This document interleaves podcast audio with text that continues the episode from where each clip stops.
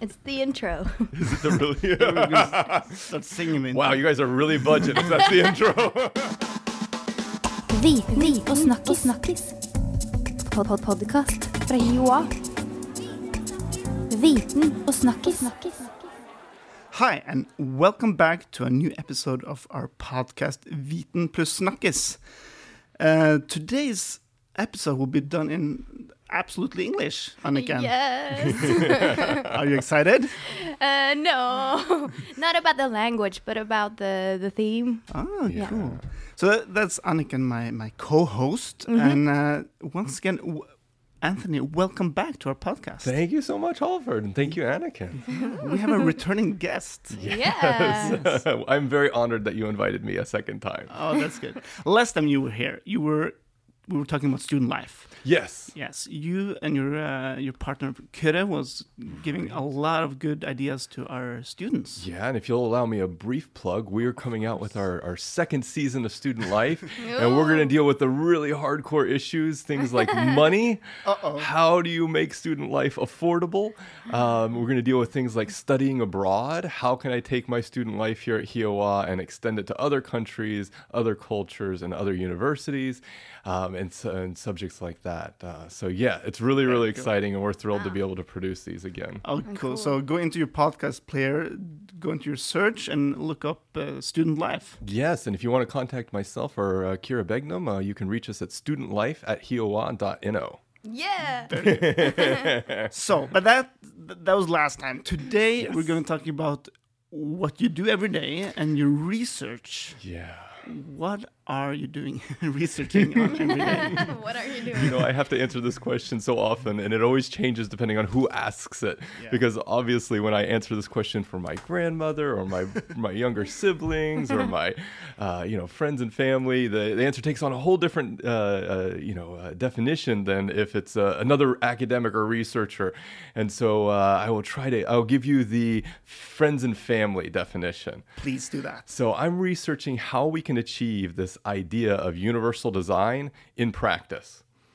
Uh, so it's really about taking uh, kind of an abstract aim. The universal design means uh, creating technology that everybody can use. Yeah. And so we're taking that abstract aim, kind of that goal, that mission statement, and trying to actually make it into tangible reality, put it into practice in the, how we design technology, how we design our, our services and our products and things like that.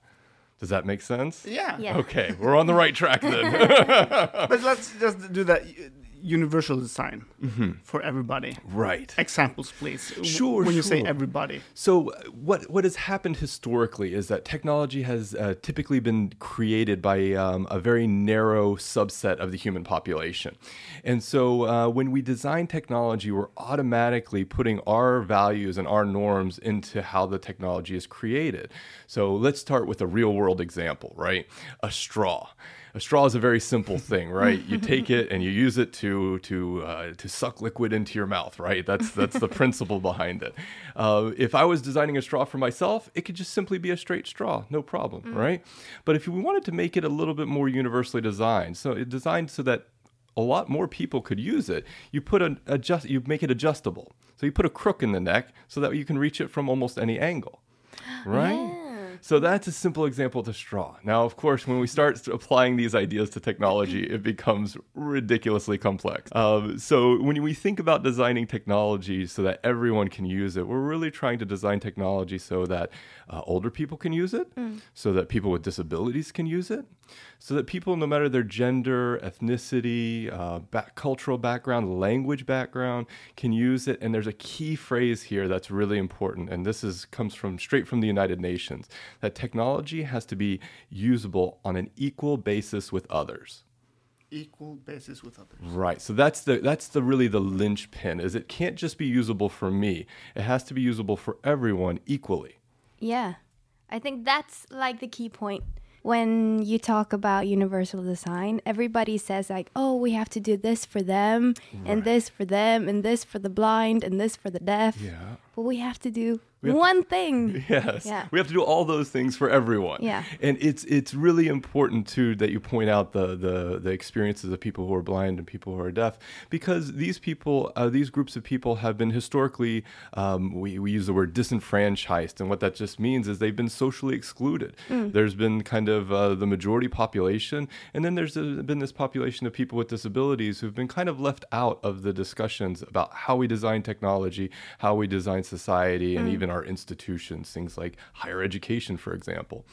So, um, yes, universal design is about finding ways of making, of promoting equality between these groups and specifically in uh, uh, application to the way technology is created. Okay, but I, I, with an argument here, if you're like a small business owner, little organization, small organization, Sure.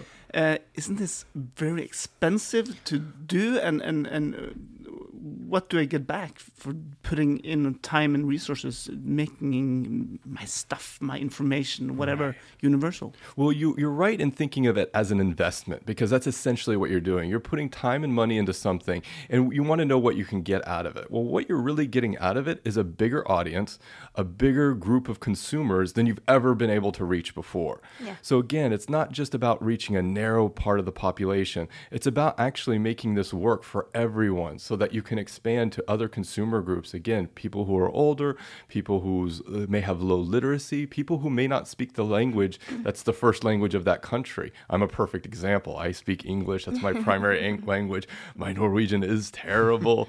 and so when I use um, uh, Oslo Kommune's website, I really want the option to be able to switch it in English so I understand what's going on and I understand the relevant issues. Or in Arcade's websites, the same kind of issue. I want to be able to understand what's happening in the world. Um, and of course, the same it goes for disability. The the real challenge that we're experiencing isn't the um, the lack of resources. There are tons and tons, decades worth of tools, technological tools, uh, best practices, mm. standards, and guidelines, and all these things that are out there. It's really about raising awareness and finding ways within an organization to make sure that everybody is, is kind of on that same path. We're all looking towards the same goal, which is universal design. That's a difficult thing because I work with this uh, on our web pages, trying to like, Right. come on, people. this is a priority. yeah, but uh, people they do not see it with their own eyes, so they I find it very difficult to like get people enthusiastic about it. I understand, and it, it is a it is a continuing challenge that uh, you know that I face and that we all face in this area. Um, I always say that my hope is that one day I don't have a job because all these problems are fixed, so I can retire or I can you know I'll, I'll go you know uh, I don't know start an, an art studio or something. but uh, I, I'm fairly s- uh, assured that I will have a job. But we can Yeah. hope that if we're making small changes, really incremental changes over my lifetime, over the next generation's lifetime, then we're continuing to push technology developers to include as many people as possible in the way they design and create technology. But what does the Norwegian law say about So design? the really great thing and the the privilege of living in a country like Norway is that the government and the society prioritizes these issues. It's not a matter of kind of okay, well, it's we're comfortable with leaving people out. You know, I talk to people every day, and it's really amazing how much how much awareness and how much consciousness people have in terms of being a being equal, uh, trying to make uh, everybody uh, give everybody the same opportunities and the same chances in life. And so the Norwegian law, that it's a unique and in the entire world, has actually required that businesses and public services uh, universally design technology, which is absolutely amazing. I mean, this is something that even 20 years ago would be thought of as like, no, that's not possible. Surely it's, it can't happen like that. And 50 years ago or 70 years Yeah. ago, forget about it. It would not even be an option for any government, for any business, even the population at large. It was still kind of like we're coming to grips with uh, equality, you know, the idea of equality and civil rights and that sort of thing. Um, so it's really a great opportunity here living in Norway and living at this time to take this idea, make it mainstream, and make it something that everybody can kind of uh, champion. Give us some more examples of of making technology universal. Sure. Like, Anniken and, and myself, we're working with communication in the digital channels, Right, web right. pages, social media, and stuff. Yeah, yeah. Uh, how can we make our stuff universal? Make make sure it's good. Well, uh, w- a couple of the things you can do is um, just looking first at persons with disabilities. So, you uh, people with dyslexia have uh, experienced barriers when they're trying to read uh, text, especially if it's written in font that's not ev- easy for them to read. Yeah. Does that make sense? So, the style that you're using in your text can be made to where people with dyslexia can e- easily read it and then that becomes more usable for that group of people which is amazing. I mean again the technology solutions are there. It's just a matter of putting these things into practice. That's a fairly easy example fairly easy to kind of wrap our heads around. Uh, another good e- and easy example is uh, people who are deaf or hard of hearing. Uh, if you put a video online example if, if nrk puts a video online and they don't include captions or subtitles at the bottom of the screen that not only says all the words that the people are speaking, but also gives a context for the actions that are happening as well. Uh, For example, if somebody's speaking but they're they're narrating a scene, then specifying that it's a narration or specifying the narrator themselves who is doing the narration, um, that gives a chance not only for people who are hard, deaf or hard of hearing to uh, experience and use those videos, but to enjoy them with other people.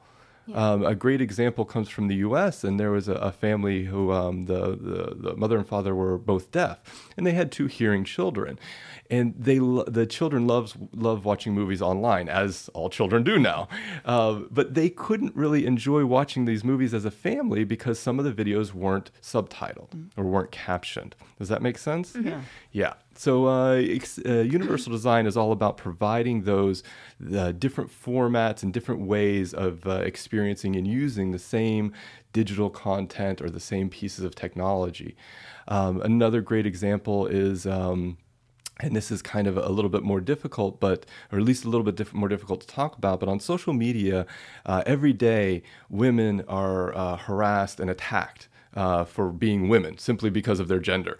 Um, and this is something that is really um, by design. Uh, when we design social media or some social media platforms, they're designed more for anonymity. More for people to be able to go on those social media platforms and say whatever they want Yeah. than they are for equality. So what we've found in the research that I've done is that there's a lot of groups of people who select out of using that technology entirely. And for me, that's a usability issue. If you're saying that this is just not for me, and a platform like Twitter, for example, then you're really um, it's really a usability issue. They're not actually using the platform at all. And this is uh, this wouldn't be a big deal if Twitter was this kind of small, you know, nobody was using it. They have 100 users in some kind of uh, niche community, but it's a massive platform that everyone uses. And Twitter is just now realizing the importance of dealing with harassment and attacks uh, for people based on their gender. And they're making steps in this area, but this could have been prevented years ago when they first developed the platform. And that's the idea behind universal design that you're not trying to retrofit a solution to make it uh, universally designed, but you're doing it from the very beginning. Yeah. You're taking into consideration all your user groups. Does that make sense? Yeah, that's really interesting. Yeah, it's it's a problematic discussion though because the the other side of it is the um, censorship and free speech argument. Yeah. yeah. So the, this area of universal design has not been, um, you know, it, everything is not finalized. We're still trying to figure it out and trying to figure out the, the solutions that are going to work for, for as many people as possible. But but just make sure if I I understood here. Sure. What you're saying in that if you have platforms where you can be an anonymous Mm-hmm. user, that's a disadvantage for women often. Yeah, Jodel, for example, Jodel has been like a huge thing in Norwegian schools because Yeah. uh, you are anonymous Yeah. And you can just like say whatever you want and people get bullied and people get like harassed and and we really have to look at who's affected by this. It's never the, the the privileged population, the population that's in power. It's always going to be the populations who have historically been disfranchised that are most impacted by that. In this case, it's women, or it could be anybody that lies on the gender diversity spectrum. So it could be people who identify as lesbian, gay, bisexual, transgender. It could be ethnic minorities. Um, Um, these are the groups of people that are are historically discriminated against, and it's these online platforms, the design of the platforms that allow for that discrimination to perpetuate and continue. Hmm. And again, this is by design because if you're whether it's conscious or not, if you're prioritizing something like anonymity over equality, then that's a choice. And this is what I teach my students too. You know, I always tell them, um, make sure that you're conscious of every decision. Yeah. Every pixel represents a choice. And I think technology designers sometimes forget about that. Uh, I was wondering, uh, we're um, more and more of our tools we're we're uh, we're using uh, apps on our Mm-hmm. phones to do more of our everyday stuff, like buying tickets, Sure, taking the sure, sure. bus, doing bank Checking your transactions. banking account. Yeah, like like everything is now on uh, on an app. It's-. How is uh, apps on smartphones? Uh, can they be universal design? Can like is it possible p- for everybody to use these tools? Well, I think, well, that's a great question. No. because it gets into this uh, idea of what universal design is or what, what it means. So if we take the, if we come from the starting point that universal design means that everyone can use it, we would have to be very, we would have to be able to very clearly uh, uh, kind of define every possible group of people in society, which is kind of impossible. Kind of so again, universal design kind of represents an aim. It's an objective. It's a, a place where we can point towards. It's our north star. Um, and in everything we do is is is intended to kind of uh, con- continue along that path and to move us one step closer in that direction. So, in answer to your question, or the short answer to your question is yes, absolutely. There are uh, design guidelines, there are technical criteria for creating technology, whether that be smartphones or mobile apps, or again websites, virtual reality, to make it usable by the broadest possible population. Now that doesn't mean that we're we've accomplished universal design by any stretch um, but again it gets us one step closer. It's very thought provoking, and uh, I, I find that um, especially uh, I teach first semester, first year computer science students, and they are so tuned into this idea. Even just talking about what universal design is as a concept, you just see eyes wide open, sometimes Really? jaws hit the floor, and then I have to say, well, you know, and Like- then, uh, yeah, exactly. this is an important issue, and we go into the law in Norway, and we talk about how we can create websites that everyone can use, and some of the principles behind that. Oh, that's great. It really is inspiring. I mean, Yeah. it's it's one of the things that keeps me going in this field as well because when you have the confidence that you know I'm I'm in the middle of my career, but one day I'm going to be at the end of my career, and I don't want to be in a situation where there's no one to hand this off to. No. So every year when I get a new uh, batch of students, it's nice to see those uh, the sparkle in their eyes and know that they're going to carry it into their jobs and their professions, and maybe they'll be the ones teaching this class in the in the future. Yeah. Well, I must say you have a sparkle in your eyes yourself about this issue, and uh, and uh, that's probably why you're going to be uh, joining a big uh, what what's it called a research competition here in Oslo. Yes. Yes, yes, sir. Yes. Yeah. Next Thursday, Next- 1800 at Centrum Scene. yeah, you're going to be on the stage presenting uh, this topic. This topic. yeah. And you have what the first round? Three, four minutes. Four minutes. Four Oh my minutes. God. Yes. So you're gonna see me sweat. No, you shouldn't see me sweat too much, depending on how hard, the, uh, how strong the lights are. So that's Thursday, uh, September 29th, yeah. Centrum Scene, 6 p.m. You got it. It's a free entrance, Yes, it is. and uh, everybody's welcome to join, and they will be able to vote for the best uh, research presenters. Yes, there'll be a wild card slot that'll come from the uh, the audience voting, I believe. Oh, yeah, yeah, yeah. really? So that's a really exciting opportunity to kind of uh, make a difference in someone's life. So Yeah. Uh, yeah, and there's a lot of really great uh, presenters in this uh, in this round of Forsker Grand Prix or this year. Mm. So um, if you don't come for mine, come for the other ones because they're all really, really amazing. Let's talk a little bit about ourselves. This podcast. Ourselves. Ourself, this, this what? great podcast. It's not universally no, designed. that's my question. a podcast, where is that leveled in the universal desi- design aspect, and what should we do if Well, we one- want to make this even better? The first thing you could do is provide transcriptions of all your all the podcasts that you produce. Mm-hmm. So for every podcast you produce, there should be a text transcription so that if somebody is deaf or hard of hearing, they can read through the transcription. The really cool thing about having a transcription is you can not only reach the deaf and hard of hearing communities, but it also improves your your search engine optimization. So in other words, hmm. people are able to find your podcast easier because you have the text of every one of your podcasts transcribed on your website. And that's the way Google and other search engines work. If you're just posting a vi- or an audio content, then they're not able to understand exactly what that audio content is saying Mm-hmm. right? We don't have that technology yet, or at least Google doesn't have it in their in their search engine. But if you provide text, then they can mm-hmm. analyze that text and say, "Oh, this is a great place to point people who are searching for these terms." Does that make sense? Yeah, absolutely. Of So again, it's we about work with this. reaching a bigger audience and it's about including people who have been historically excluded. Mm. Have you heard about Siteimprove? Site Improve. I believe I have. Yes, I have, but Yeah. it's been a while since I've worked with it. We have it. You do? Yeah. Okay. I work with it Tell every how- day. Tell me how you're using it because I'm always fascinated by this. uh, we have our web pages scrawled, and then you can see follow the like WC Yeah. yeah. uh, rules, and then you can do small changes and give it to our developers so they can make our web pages accessible for everybody. So what Anniken uh, said there for a minute was the the web content accessibility guidelines. And These are uh, this is a set of technical standards that's produced by a um, an international consortium called the World Wide Web Consortium, mm-hmm. and it's a really brilliant document. It's really great for technology developers because it really walks them through step by step how to create a website that is accessible for people with disabilities. Uh, so it's a really important project and something that's uh, continuing to be updated regularly. We're taking this seriously. Yes, HIOA. well, we have here at HIOA a research group dedicated to universal design of technology. So HIOA really represents a, a center of competence, not only at uh, in, in Oslo, but in Norway and in Europe. Uh, we've been involved in several EU level grants. Uh, I was actually last week invited to the United Nations in Geneva to do a presentation on the Oh, research that I'm doing. Yeah. Cool. So I was there. Thank you. uh, I was there presenting for their agency for telecommunications, Hmm.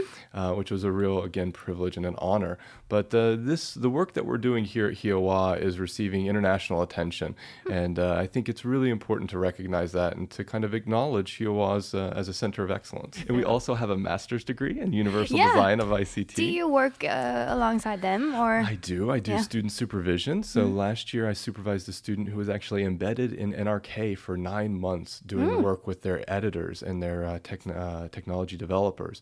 And so we were really looking at how uh, how universal design operates in practice. So Yeah. not simply looking at the outcomes or the outputs. So a website is the outcome of universal design, but really looking at the processes Yeah. that occur in order to create something that's universally designed.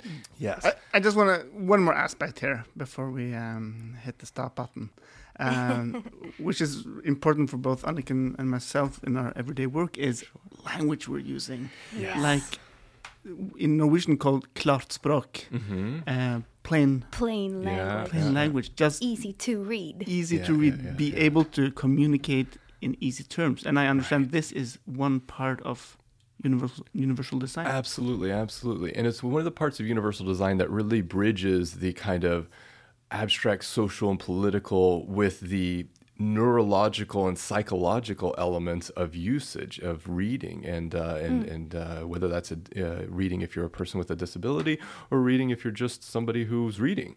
Um, and so I think that plain language, easy to read text is a very important component and something we should all strive for uh, in, in the work that we produce. Um, it's also just a uh, it's a good way of reaching new populations that you would never uh, reach before. You know, I can't count the number of times I've read academic articles that have put something. You know, it's it was a paragraph of text that I'm like, well, I could have summed that up in three words. Like Yeah. Why are we why is there why is there that uh, that threshold? Why do we create that barrier for people when we could very clearly and easily explain an idea or concept? And then you have so much more room to go into more detail and more depth. Yeah. Exactly. Um, so I think that we have to really make a conscious effort. I think there's a lot of uh, reform that needs to happen, whether that's uh, in academia. You know, I, I am I suffer from the same kind of assumptions that all academics do. uh, my teaching assistants uh, occasionally say, Anthony, you, you tend to go on a little bit, and so I have to pull myself back. I have to make sure that the text that I'm writing is is uh, clean and easy to read. Um, and if I could just throw one other thing into there, that's really fascinating. There are countries in this world that uh, they have the 30, 40, 50 spoken languages. And so, uh, you know, as a universal design advocate, we're still trying to figure out how to deal with that exactly. Because if we take that principle of use on an equal basis with others, Yeah. if your first language is only spoken by a few hundred or a few thousand people, you should have that as an option. Yep. But how do we make that happen in practice? And so I look to the next generation of tech technology developers to realize Translate that. The pages. Exactly. real well, time, that or- can certainly be an option, but even the translation tools that we have available they're are kinda still, yeah, they're they're still coming uh, into their own. it's an emerging technology. Yeah, great. Well, thank you, Anthony. it was a pleasure and an honor. Thank you both. Yeah, this is really interesting, and Yeah, it uh, is. and uh, I think we both are inspired now to go back into our work and uh, think even more about uh, universal. Yes. Think baby steps. What can you do today? Don't worry about making it usable as for everyone on day one. Make Yeah. it usable for one more person. Anthony, good luck on Thursday Thank with you. the Grand Prix. Yes. I wish you the best, and uh, for all of you guys who've been listening to us, thanks a lot. Don't Yeah. forget to. Subscribe. I'm sorry about the English. I am too. no.